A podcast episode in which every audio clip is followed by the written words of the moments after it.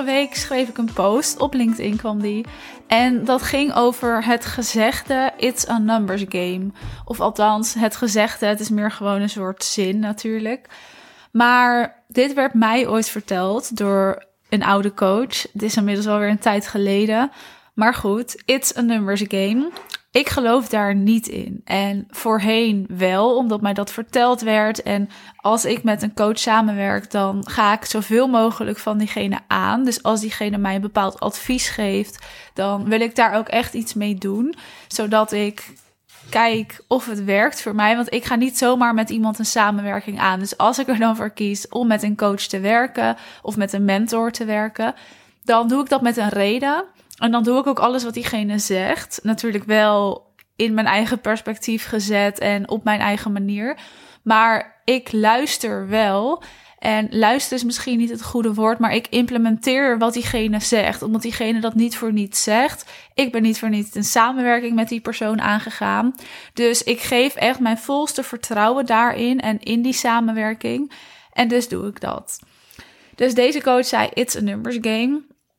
Wat heel logisch klinkt. Misschien als ik dat nu zo tegen jou zeg, hè, it's a numbers game, dan denk je ja, dat klinkt heel logisch. En misschien kun je dit ook wel toepassen op alles. Op je bedrijf, op je sales, op je marketing, op je aanbod, op je privéleven ook. Vriendschappen, misschien relaties. Hè. Als je maar vaak genoeg date, komt er vanzelf de ware naar boven, bijvoorbeeld. Je kan het overal op toepassen. Dat heb ik een tijdje geprobeerd. Niet als het gaat om relaties, gelukkig. Want dan uh, was ik waarschijnlijk helemaal gek geworden van het daten. Maar wel op mijn bedrijf. Namelijk, ik ging maar zoveel mogelijk mensen benaderen of een berichtje sturen. Ik ging zoveel mogelijk dingen organiseren. Een challenge, een e-book, een masterclass, een weggever. Zoveel mogelijk doen, want er zal dan uiteindelijk wel iets werken. Nou, ik heb het op de harde manier mogen leren. Dat is natuurlijk niet het geval. En we zijn daar gelukkig ons steeds bewuster van. En dat zie ik ook echt wel als een soort shift in de markt, die echt al wel een hele tijd gaande is. Maar een aantal jaar geleden was dat nog niet zo. En dacht ik dus: oké, als mijn coach zegt: it's a numbers game, dan zal het wel zo zijn. Dus dan ga ik dat toepassen. Dit is gelukkig al wel een aantal jaar geleden. Dus dat is ook niet. Ik heb dat niet toegepast op mijn huidige aanbod ook. Gelukkig. Want dan had ik misschien veel klanten gehad die niet in het ideale plaatje pasten. Maar wat ik daar echt van heb mogen leren, is dat als je ten eerste zoveel mogelijk gaat inzetten hè, qua kanalen, dan heb je nergens focus op. Nou, je weet wat ze zeggen. Waar jij je op focust, dat groeit. Daar geloof ik ook in. Tegelijkertijd ook een beetje niet. Dus daar zit weer de nuance, maar daar ga ik zo wel even dieper op in. Maar wat ik deed is, ik deed dus een masterclass. Ik organiseerde een challenge. Ik ja, maakte een weggever hè, van alles om maar de ideale klant te bereiken. En tegelijkertijd bereikte ik heel veel mensen, maar van die heel veel mensen waren er ook heel veel mensen die niet pasten in het plaatje van mijn ideale klant. Wat ervoor zorgde dat ik echt wel klanten kreeg. Dus in die zin werkte het voor mijn omzet. Maar dat waren wel ook echt mensen die niet pasten in het ideale plaatje van mijn klant. En dat zorgde ervoor dat ik heel snel mijn werk eigenlijk minder leuk ging vinden. Omdat ik dacht: oké, wat gebeurt hier? Misschien gaat mijn omzet nu lopen. Hè, of die liep al wel, maar werd mijn omzet wat hoger. Maar niet op de manier hoe ik dit wil en hoe ik dit passend vind. En niet op een manier die eigenlijk past bij mij. Nou, dat was natuurlijk één manier. Ik ging ook met iedereen gewoon maar een gesprek aan. Iedereen die dat wou. Als ik dacht, jij bent wel passend, dan vroeg ik voor een gesprek. Dus dat ging ook vlot. Die gesprekken waren er dus ook. Maar ik voerde zoveel gesprekken dat ik het op een gegeven moment zo zat was. Dat ik twijfelde of dit dus wel voor mij was. En hoe kwam dat nou? Omdat ook die gesprekken, ik kwalificeerde ze niet en ik ging gewoon dus maar met iedereen zo'n gesprek aan. En dat kostte heel veel energie, want ik bereidde me voor, ik las me in en er kwam heel weinig uit ten opzichte van hoeveel er werden ingepland en het resultaat daarvan. Dus dat percentage was redelijk laag. Helemaal als ik het vergelijk met nu. En dat kostte mij dus energie. En ook omdat ik in die gesprekken merkte: oké, jij bent nog niet op het punt waar ik je kan helpen. Of hier zit iets anders. Jij hebt iemand anders nodig. En ik ben de eerste die dat dan eerlijk zegt, dus dat deed ik ook. Wat er natuurlijk in resulteerde dat dat percentage van conversie gewoon lager werd. Wat niet erg was, want als ik iemand niet kan helpen of het geen juiste match is, dan zeg ik dat. En ik ben tot op de dag van vandaag daar heel blij mee dat ik daar ook eerlijk voor uit kan komen. Maar goed, het kost mij wel veel energie. It's a numbers game werkt niet wat mij betreft. Kijk, tuurlijk is het fijn als er veel sales calls worden ingepland, zodat je kan oefenen ook met je sales calls. En oefening baart kunst, helemaal als het gaat om sales. Dus daar geloof ik dan weer wel in.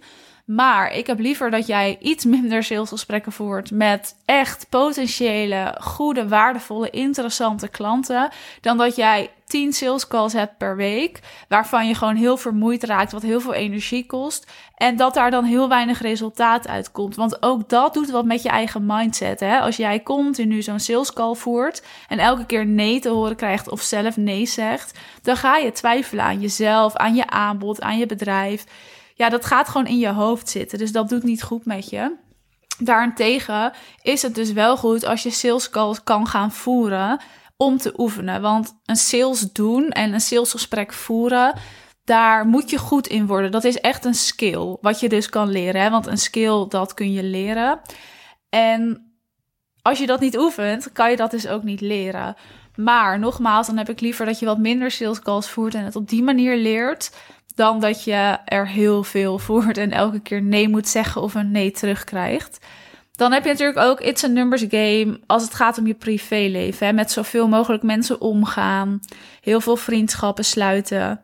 Dat is misschien wel iets als je wat jonger bent. Dat je daar nog een beetje in opgaat. Hè? Inmiddels zijn we allemaal wel weer wat ouder.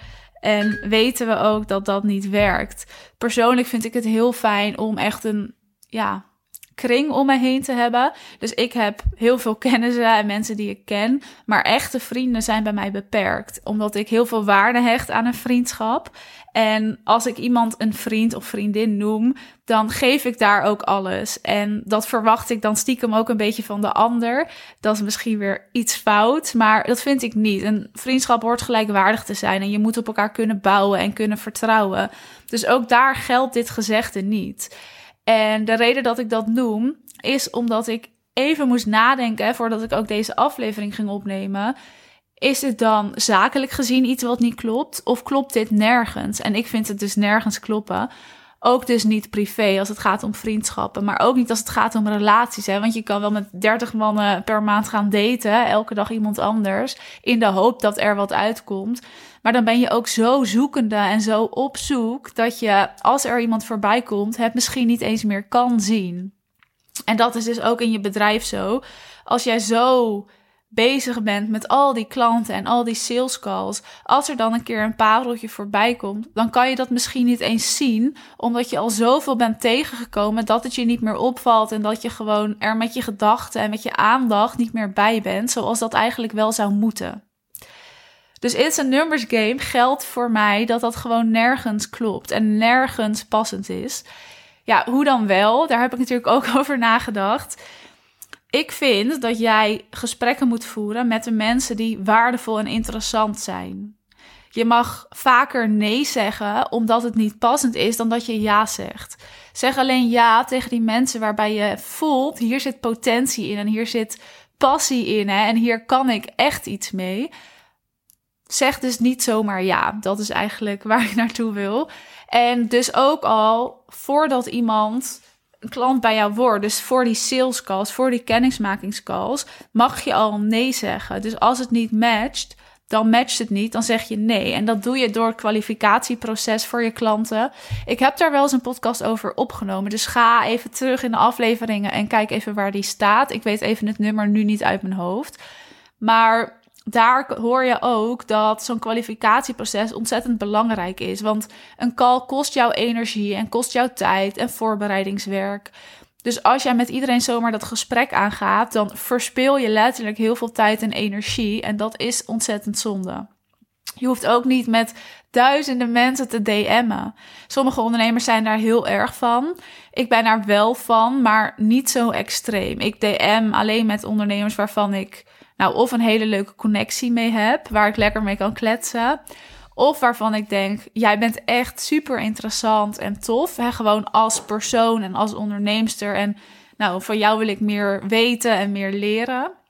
Of als ik denk, hm, jij zou misschien wel een hele toffe klant kunnen zijn. Maar ook hierin, als je alleen maar gaat DM'en met potentiële klanten en dat dat altijd je eerste intentie is, dan gaat er ook iets mis. Want jij bent er en jij hoort als persoon en als onderneemster ook weer te groeien en te leren van anderen. En dat doe je ook door een stukje netwerken en kletsen met anderen waar jij van kunt leren. Dus dat DM'en mag je nooit alleen maar inzetten om klanten te werven. Want ik denk dat dat echt een verkeerde intentie is en dat je dat uiteindelijk ook echt gaat merken. Dus ik DM ook echt met heel veel onderneemsters. Gewoon omdat ik ze heel interessant vind. Of omdat we een leuk gesprek hebben. Of omdat ik iets van ze voorbij zie komen waarvan ik denk: oh ja, hier ben ik het helemaal mee eens. Of hier kan ik het mee in vinden. En dan ben ik dus benieuwd nou, naar hun mening. Of naar net dat diepere laagje over hoe zij daar echt over denken. Goed, ja, it's a numbers game. Ik ben heel benieuwd hoe jij daar tegenaan kijkt. Ook of jij het wel eens geprobeerd hebt of geïmplementeerd hebt op je bedrijf of je privéleven. Laat dat me ook even weten via de DM. Ik ben heel benieuwd hoe je daar überhaupt naar kijkt. Of heb je het nog nooit geprobeerd, maar denk je inderdaad, dit is helemaal niks voor mij. Ik ben er mee eens dat dit niet werkt. Dan ben ik daar ook heel benieuwd naar. Dus stuur me even die DM op Instagram. En dan ben ik benieuwd naar jouw verhaal hierachter, jouw visie hierop en jouw kijk hiernaar. Zodat we daar eens over kunnen kletsen via de DM. Want nogmaals, kletsen met andere ondernemers vind ik heel interessant en waardevol. En dus waarschijnlijk ook met jou. Goed, ik zie je in mijn DM en anders hoor je mij vast weer een volgende aflevering.